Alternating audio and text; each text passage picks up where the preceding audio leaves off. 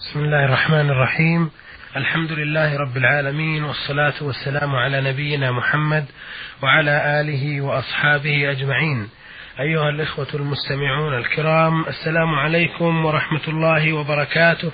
واهلا ومرحبا بكم إلى هذا اللقاء الجديد من لقاءات نور على الدرب والتي يسرنا أن نعرض في هذه الحلقة ما لدينا من رسائل على سماحة الشيخ عبد العزيز بن عبد الله بن باز الرئيس العام لإدارات البحوث العلمية والإفتاء والدعوة والإرشاد.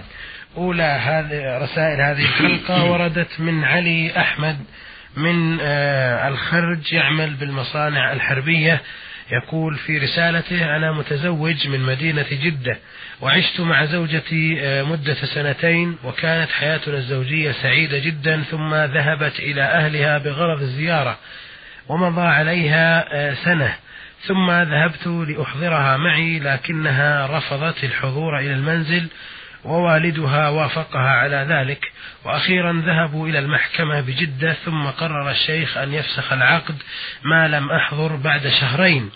ولم يخبروني بذلك وإنما سمعت هذا الخبر من خالي. سؤالي هل يحق للشيخ أن يفسخ العقد بدون استشارتي أو حضوري؟ أفيدونا أفادكم الله. بسم الله الرحمن الرحيم. الحمد لله رب العالمين والعاقبة للمتقين والصلاة والسلام على عبده ورسوله وخيرته من خلقه وأمينه على وحيه نبينا وإمامنا وسيدنا محمد بن عبد الله وعلى آله وأصحابه من سلك سبيله واهتدى بهداه إلى يوم الدين. أما بعد أيها السائل مسائل النزاع بين الرجل وزوجته وهكذا بقية المسائل التي يقع فيها الناس. من أنواع الخصومات كلها تتعلق بالمحاكم. وليس للمفتي فيها نظر هذه المحكمة والحاكم ينظر ويتقي الله ويحكم بما يعلمه من الشرع المطهر من الرجل وزوجته وبين الخصمين في كل شيء. نسأل الله للجميع الهداية والتوفيق. نعم. بارك الله فيكم. في الحقيقة تكثر آه، الرسائل في مسائل الخصومات والنزاعات ولهذا باسم سماحة الشيخ وأصحاب الفضيلة آه، أهل الإفتاء في هذا البرنامج نوجه الإخوة المستمعين إلى ما تفضل به سماحة الشيخ من أنها مسائل تعرض على المحاكم الشرعية وليس للمفتي فيها رأي إلا ما حكم به الحاكم الشرعي. آه هذه رسالة من آه المرسل ميم عين زاي مصري الجنسية مقيم بالعراق في كربلاء. يقول أنا متزوج من مدة خمسة عشر عام ولكن الشيطان أغراني وأوقعني في عدة أخطاء فقد حصل مني أن قاربت زوجتي وأنا صائم في رمضان وحصل أن زنيت قبل وبعد الزواج. ولكن من مدة ثلاث سنوات تبت إلى الله عز وجل ولم أعد آه، إلى ما كنت أفعل. فما الكفارة التي تجب علي؟ الواجب عليك التوبة إلى الله سبحانه وتعالى من جماع الزوجة في رمضان ومن الزنا قبل وبعد. الله جل وعلا أمر بالتوبة وأوجبها على عباده. كما قال تعالى يا أيها الذين آمنوا توبوا إلى الله توبة نصوحا. قال سبحانه وتعالى وتوبوا إلى الله جميعا أيها المؤمنون لعلكم تفلحون. فالواجب عليك التوبة إلى الله والندم على ما مضى من أعمالك السيئة والعزيمة لا تعود في ذلك. هذه شروط التوبة الإقلاع من الذنوب والحذر منها خوفا من الله وتعظيما له. هذا واحد. الشرط الثاني الندم على الماضي. الأسف على ما مضى منك من السيئات. والأمر الثالث أن تعزم عزما صادقا ألا تعود في تلك المعاصي. متى توافرت هذه الشروط الثلاثة؟ فإن الله جل وعلا يتوب على من توافرت فيه ويعفو ذنبه سبحانه وتعالى. فعليك يا أخي بالصدق في ذلك وإتباع سيئاتك بالحسنات والأعمال الصالحات والله يتوب على التائبين. كما قال عز وجل وإني لغفار لمن تاب وآمن وعمل صالحا ثم اهتدى.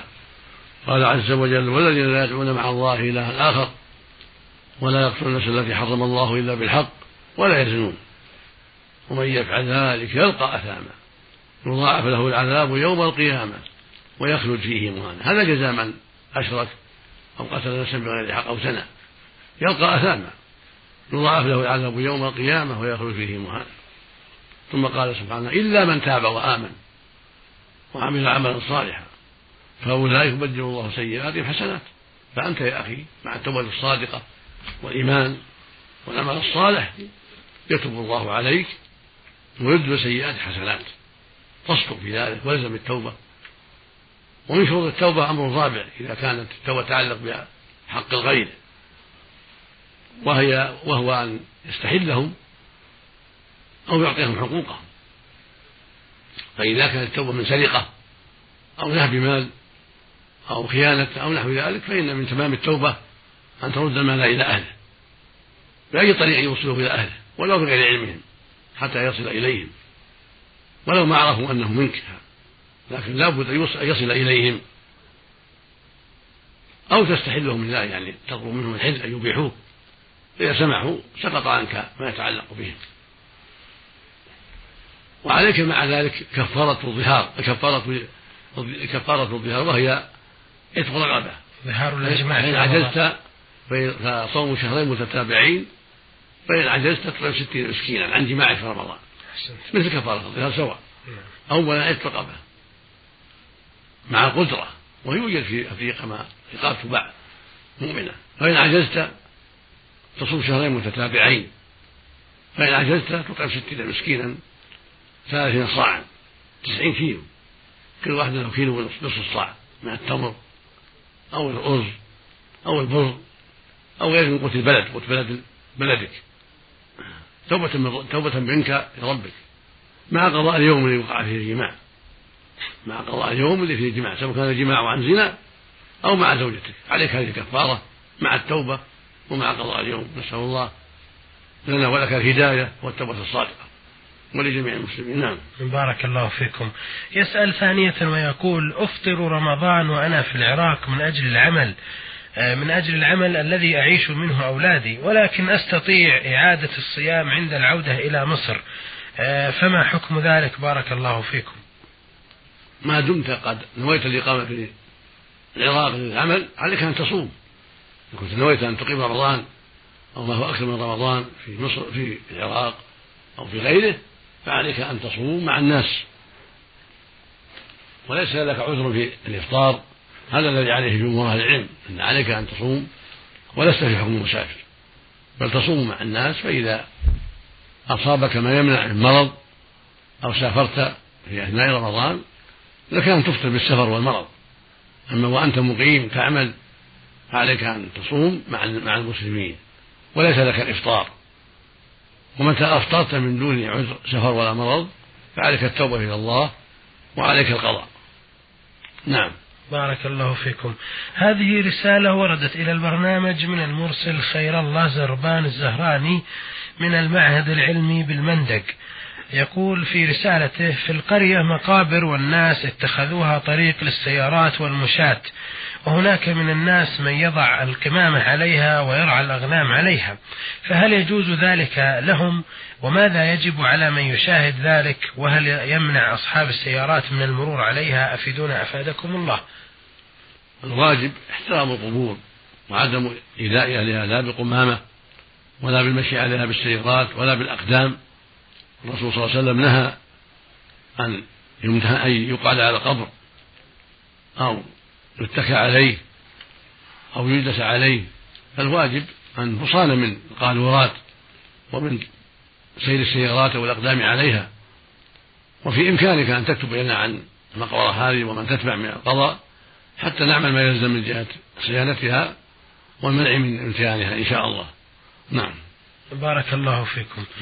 آه هذه رسالة وردت من طه عبد الكريم عبد العال آه من جمهورية مصر العربية مقيم في المملكة في الرياض. آه هذا السائل يقول في رسالته كنت في إجازة في مصر وحلفت يمين الطلاق على زوجتي على شيء أريدها ألا تفعله ولا تكرره. وقلت لها إذا تكرر هذا الشيء فستكونين طالق. وبعدها سافرت إلى المملكة ووصلني شريط من والدتي بأنها قد فعلت ما حلفت عليها فيه وكررته مرة أخرى.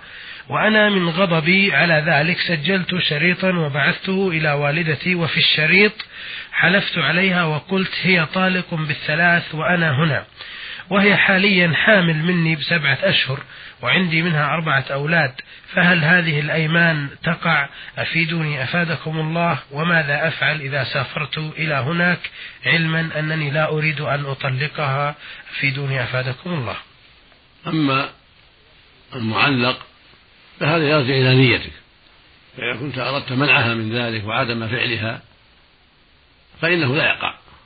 إذا فعلته وعليك كفارة يمين في أصح قول العلماء. العلماء قد تنازعوا في هذا. فمنهم من رأى أن المعلق يقع متى وقع الشرط ولو كان المعلق أراد المنع. فإذا قال إن فعلت كذا إن عصيت والدتي إن شربت الدخان إن ذهبت إلى بيت فلان فأنت طالق يقصد منعها وتخويفها. لا يقع الطلاق هذا عند الأكثرين يقع. والصواب التفصيل. فإن كان المعلق قصد منعها وتخويفها وتحذيرها ولم يرد يقع الطلاق فإنه لا يقع وعليه كفارة يمين لقول النبي صلى الله عليه وسلم إنما الأعمال بالنيات. إنما الأعمال بالنيات. وإنما لكل امرئ ما نوى. هذا ما نوى طلاق وإنما نوى تخويفا وتحذيرا. فإذا كنت ما نويت إلا التحذير والتخويف فإنه لا يقع. أما طلاق الأخير سجلته به طالق بالثلاث فهذا يقع به واحدة على الصحيح.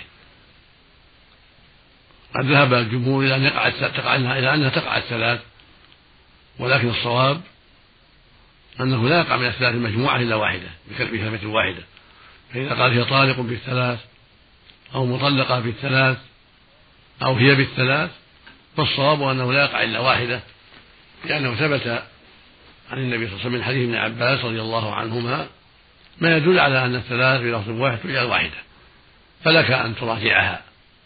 إذا كنت في الطلاق معلق ما أردت إلا منع طلاق معلق سابقا فلك أن تراجعها ولتحسب عليك واحدة ويبقى لها ثنتان إذا كنت ما طلقتها قبل هذا طلقتين أما إن كنت طلقتها قبل هذا فينبغي لك أن تتصل بعلماء هناك في بذلك وتسألهم تبين لهم الواقع أنت والمرأة وليها تجتمعون تسألون أهل العلم المعروفين بالعلم والإفتاء تشرحون لهم القضية حتى يفتوكم إن شاء الله بما يرون بعد بعد إخبارهم بكل شيء. نعم. بارك الله فيكم. هذه رسالة وردتنا من مرسلة رمزت لاسمها بأختكم في الله صاد سين من القيصومة في المملكة. تقول في رسالتها أنا سيدة في الأربعين من عمري لي أطفال سبعة ثلاثة اختارهم الله عز وجل إليه وأربعة أحياء. تقول تتلخص مشكلتي في عدة أسئلة. أولها أنني متزوجة منذ عشرين سنة. من رجل لا يعرف الصلاة ولا الصيام ويشرب المحرمات من خمر وما شابهه والعياذ بالله. وكلما حاولت الخلاص منه يقول لي بأنه سوف يتوب ولكنه بالكلام فقط. وكل من أشكي له حالي يقول آه، اصبري من أجل أطفالك وقد صبرت كل هذه السنوات من أجلهم. والآن كبروا وأصبحوا رجال ويطلبون هم مني ذلك ويقولون بأن البيت بيتهم بأن البيت بيتهم ولا دخل آه، للوالد. وأنا أسألكم الآن هل علي ذنب في جلوسي معه أم لا؟ وكذلك جلوس أطفالي آه، عنده أفيدوني أفادكم الله. لا ريب أن ترك الصلاة كفر. ولا ريب أن ترك الصيام من أعظم المعاصي. ولا ريب أن شرب المسكر من أعظم المعاصي والكبائر. هذا الرجل قد جمع أنواعا من الكفر والشر وأعظم ذلك ترك الصلاة. وصح عن رسول الله عليه الصلاة والسلام أنه قال العهد الذي بيننا وبينهم الصلاة فمن تركها فقد كفر. وقال عليه الصلاة والسلام بين الرجل وبين الكفر والشرك ترك الصلاة. هذان حديثان عظيمان صحيحان عن رسول الله عليه الصلاة والسلام. كلاهما يدل على كفر هذا الرجل. والمسألة فيها خلاف بعض أهل العلم يقولون لا يكفر إلا إذا كان لا يعتقد الوجوب إذا كان ينكر وجوبها. وإلا فإنه يكون عاصيا معصية عظيمة ولكن لا يكفر بذلك. وذهب آخر من أهل العلم إلى أنه يكفر بترك الصلاة ولو لم ينكر وجوبها. وهذا هو الحق وهو الصواب أنه يكفر بترك الصلاة ولو لم ينكر وجوبها. فالذي أنصحك به وأوصيك به أن تمتلئي منه وألا تمكنيه من نفسك حتى يتوب إلى الله ويرجع إلى الصلاة.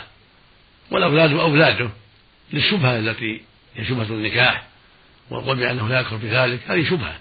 فالأولاد أولاده ولا شك أنهم أولاده ولكنك تبقين في البيت عند أولادك لأنهم كبار وتمتنعين من من أن يقربك بجماع أو غيره حتى يتوب إلى الله وحتى يدع عمله السيء ولا سيما ترك الصلاة. فإذا تاب إلى الله وصلى فلا مانع. وعليه يتوب إلى الله أيضا من ترك الصيام ومن شرب الخمر. وعلى أولاده أن يعينوا على الخير وأن ينصحوه ويستعينوا على هذا بأقاربهم الطيبين من أعمام وبني عم طيبين يعينونهم على نصيحة والدهم لعل الله يأتي بأسبابهم. فإن من أعظم بره أن ينصح ويوجه إلى الخير لعل الله يهديه بذلك. ولعله يسمع كلمتي هذه. ولعلكم تسجلونها إذا سمعتموها وتقرؤونها عليه. فالله جل وعلا نسأله له الهداية. فالحاصل أن عليك أن تبتعدي عنه وأن لا يقربك حتى يتوب إلى الله من ترك الصلاة. فإذا تاب من ترك الصلاة فهو زوجك. وأما شرب الخمر وترك الصيام فهما معصيتان عظيمتان لكنهما لا يوجبان بطلان النكاح. هذا عند أهل العلم عند أهل السنة والجماعة. وعليك وعلى أولادك وعلى أقاربه وعلى الأخيار من جيرانه أن ينصحوه وعليه يتقي الله وأن يبادر إلى التوبة قبل أن يحل به الأجل قبل أن ينزل به الأجل. والخمر شرها عظيم. وقد صح عن رسول الله عليه الصلاة والسلام أنه لعن الخمر وشاربها وساقيها وعاصرها ومعتصرها وحاملها والمحمولة إليه وبائعها ومشتريها وآكل ثمنها نعوذ بالله. وصح عن رسول الله أيضا عليه الصلاة والسلام أنه قال لا يزني الزاني حين يزني مؤمن ولا يشرب الخمر حين يشربها وهو مؤمن. هذا يدل على ضعف الإيمان أو عدم الإيمان نسأل الله العافية. وقال عليه الصلاة والسلام إن عهدا على الله لمن مات وهو يشرب الخمر أن يسقيه الله من طينة الخبال. قيل الرسول وما طينة الخبال؟ قال عصارة أهل النار أو قال عرب أهل النار. وأما ترك صيام رمضان فهو أمر عظيم لأن صيام رمضان من أعظم الواجبات. ومن أركان الإسلام.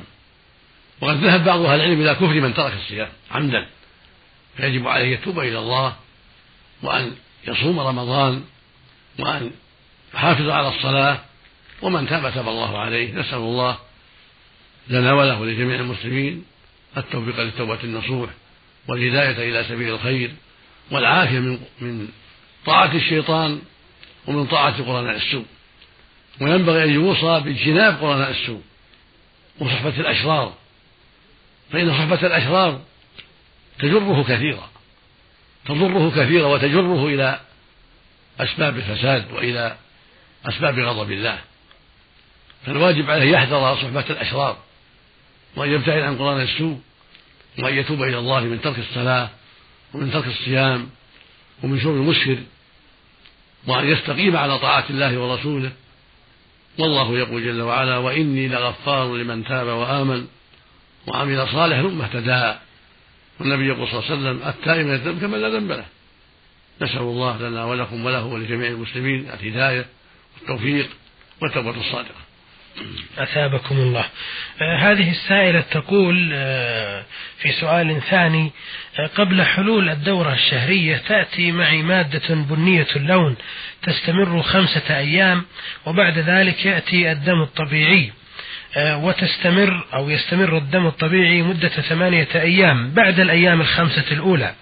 وتقول أنا أصوم أنا أصلي هذه الأيام الخمسة ولكن أسأل هل يجب علي صيام وصلاة هذه الأيام أم لا أفيدوني أفادكم الله؟ إذا كانت الأيام الخمسة البنية منفصلة عن الدم مقدمة ولكنها منفصلة فلا فلا بأس بها. تصوم تصومين وتصلين لأنها كدرة وصفرة ما ما تمنع. وهكذا بعد الطهر إذا جاءت كدرة أو صفرة بعد الطهر لا تمنع الصلاة ولا الصيام ولكنها تكون كالبول. تستنجين منها وتصلين. أما إذا كانت هذه البنية هذا هذا الشيء البني يتصل يعني بعد الخامس متصلا يقع الدم. وهكذا بعد الحيض يتصل بالدم. هذا من جملة العادة. يكون من جملة العادة. ولا تصلي فيها ولا تصومين. إذا كانت الخامس متصلة بالحيض. أما إذا كان بينهم فاصل يوم أو نصف يوم أو ما أشبه ذلك يعني فاصل بين تزول هذه الكدرة البنية تزول ويكون بعدها طهارة ثم تأتي ثم يأتي الدم دم الحيض بعد ذلك. هذه منفصلة لا لا تعتبر حيضا وعليك أن تصلي فيها وأن تستنجي من هذا كل صلاة عند دخول الوقت تستنجين من هذه الكدرة البنية وتصلين وهكذا لو جاءت بعد بعد الحيض بعد الطهر جاءت كدرة أو صفرة تستنجي منها كل وقت. وتصلين ولا يحتبس ولا يحتسب حيض أما المتصل فإنه يحتسب المتصل قبل الحيض أو بعده متصلا به فهذا يحتسب منه. نعم. بارك الله فيكم. آه، أخيرا تقول هذه السائلة في أول يوم من شهر رمضان المبارك زارك زارتني امرأة عجوز عمرها في حدود مئة سنة. أحيانا يكون وعيها معها وأحيانا العكس. فطلبت مني أن أقدم لها قهوة ففعلت ذلك وأحضرت لها القهوة. فهل علي ذنب في هذا مع العلم أنني أخبرتها أننا في شهر رمضان؟ أفيدوني أفادكم الله. إذا كان ظاهرها أن عقلها مفقود وأنها قد دخلت في التخييف والهرم فلا بأس لأن ليس عليها صيام. وحضور بعض العقل معها كلام مفقود ما تقول أبي كذا ولا أعطوني كذا هذا ما يدل على عقل. والغالب على من بلغ مئة سنة يدخله التخريب والتغير فإن ظهر لك من حالها أن عقلها مفقود وأنها غير منضبطة فلا بأس أن تأكل وتشرب. أما إن ظهر لك أن عقلها معها وأنها متساهلة فلا تعطيها قهوة ولا غيرها لا تعينها على الباطل. الله يقول وتعاونوا على البر والتقوى ولا تعاونوا على الإثم والعدوان فليطلب الطعام في رمضان وهو صحيح من المسلمين لا يعطى لا طعام ولا شراب ولا دخان لا يعان على الباطل. أما من كان فاقد العقل كالمعتوه والمجنون والهرم والهرمة هؤلاء ليس عليهم جناح ذهب عنهم الصوم. والله المستعان. بارك الله فيكم. وهذه رسالة وردت من ميم باء من جامعة البترول والمعادن آه، بالظهران آه، يسأل فيها عن آه، أمرين. في الأول يقول مسألة التداوي فإن بعض أهل العلم قال ما محصلته أنه لا يجب التداوي من مرض ولو ظن نفعه وتركه أفضل روي عن الإمام أحمد رضي الله عنه لأنه أقرب للتوكل. ولخبر الصديق إلى آخره. نرجو بسط القول في هذه المسألة وما هو خبر الصديق وما رأي سماحتكم. الصواب في التداوي أنه مستحب مشروع. ذكره النووي رحمه الله وآخرون عن جمهور العلماء وأن قول الأكثرين أنه مستحب وذهب بعض أهل العلم إلى أنه مستوي الطرفين لا يستحب ولا يكره بل هو حلال. وذهب آخرون إلى أن تركه أفضل. ويروى عن الصديق أنه قال لما قيل الطبيب قال الطبيب أمرضني ولكن لا أعلم لا أعلم صحة هذا عن الصديق ولا أعرف صحة هذا عن الصديق فالمقصود أن الذي عليه جمهور أهل العلم وهو الصواب أن التداوي مستحب بالأدوية الشرعية المباحة التي ليس فيها حرام كالتداوي بقراءة القرآن والرقية تداوي بالكي تداوي عند عدم دواء آخر الكي لا بأس عند الحاجة تداوي بأمور مباحة لا بأس بذلك. وقد رقى النبي صلى الله عليه وسلم بعض رقى النبي صلى الله عليه وسلم بعض أصحابه وقد رقاه رقاه جبرائيل عليه الصلاة والسلام فالتداوي لا بأس به. والنبي عليه الصلاة والسلام قال عباد الله تداووا ولا تداووا بحرام. فالتداوي أمر مشروع لا بأس به ولا ينافي التوكل. فالتوكل يشمل أمرين الاعتماد على الله والتفويض إليه مع تعاطي الأسباب. ولا يجوز الإنسان يقول أنا أتوكل ولا آكل ولا أشرب ولا أتسبب ولا أبيع ولا أشتري ولا أتعاطى زراعة ولا صناعة ولا غير لا هذا غلط. فتعاطي الأسباب لا ينافي التوكل بل هو من التوكل وهكذا التداوي من التوكل. ولهذا أرشد النبي صلى الله عليه وسلم التداوي وسئل عن الرقى والأدوية قال هي من قدر الله. وقال عمر رضي الله عنه لما أتى الشام وبلغه حصول الوباء في الشام الطاعون انصرف بالناس ورجع بهم وقال نفر من قدر الله إلى قدر الله ثم أبلغه عبد الرحمن بن عوف. النبي صلى الله عليه وسلم قال إذا سمعتم به بلد فلا تقدموا عليه. فسر بذلك حيث وافق السنة. فالمقصود أن التداوي أمر مشروع على الصحيح ويقول أهل أكثر أهل العلم ومن تركه فلا حرج عليه. وإذا ظن نفعه واشتدت الحاجة إليه تأكد لأن تركه يضر يتعب, يتعب نفسه ويتعب أهله ويتعب خدامه. فالتداوي في مصالح لنفسه ولأهله. ولأن التداوي يعين على أسباب الشفاء ويعينه على طاعة الله حتى يصلي في المسجد حتى يقوم بأمور تنفع الناس وتنفعه. فإذا تعطل بسبب المرض تعطلت أشياء كثيرة. وإن كان يثاب عما كان يعمله في حال الصحة في حال المرض. كما في الحديث الصحيح يقول صلى الله عليه وسلم إذا مرض العبد وسافر كتب الله له ما كان يعمله صحيح مقيم. هذا من فضل الله جل وعلا. ولكن التداوي فيه مصالح كثيرة. إذا كان بوجه الشرعي والأدوية المباحة. هذا هو الصواب. ومن قال إنه مستوي الطرفين أو إن تركه أفضل فقوله مرجوح. والحق أحق بالاتباع. والأدلة الشرعية مقدمة على كل أحد. وفق الله الجميع. بارك الله فيكم. سماحة الشيخ هناك من آه، يعني يحتج في هذا الباب بحديث السبعين ألف الذين يدخلون الجنة بغير حساب.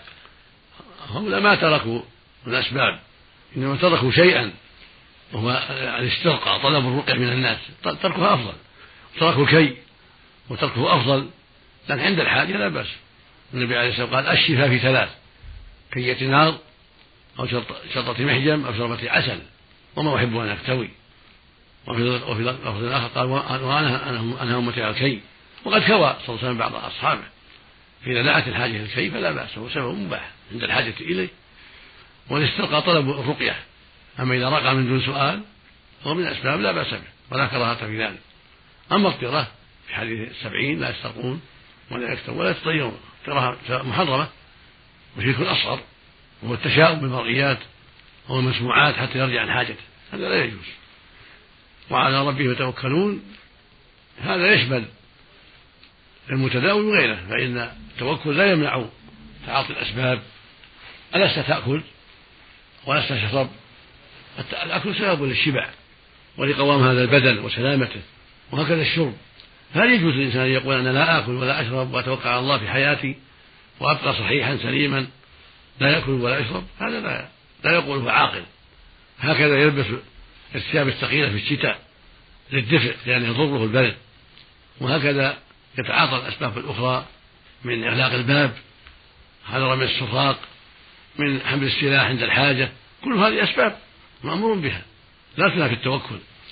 والنبي صلى الله عليه وسلم هو سيد المتوكلين في أحد لبس السلاح لبس اللامة وفي بدر كذلك وفي أحد ظهر بين الدرعين لبس الدرعان وعليه المغفر حين دخل مكة وعليه البيضة في أحد. كل هذه أسباب فعلها صلى الله عليه وسلم. نعم. بارك الله فيكم.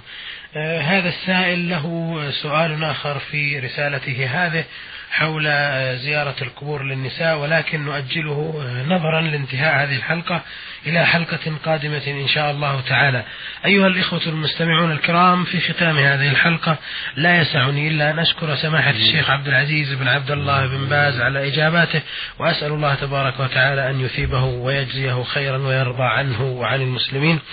وأشكر لكم حسن متابعتكم وإلى أن نلقاكم في حلقات قادمة بإذن الله تعالى. أستودعكم الله والسلام عليكم ورحمة الله وبركاته.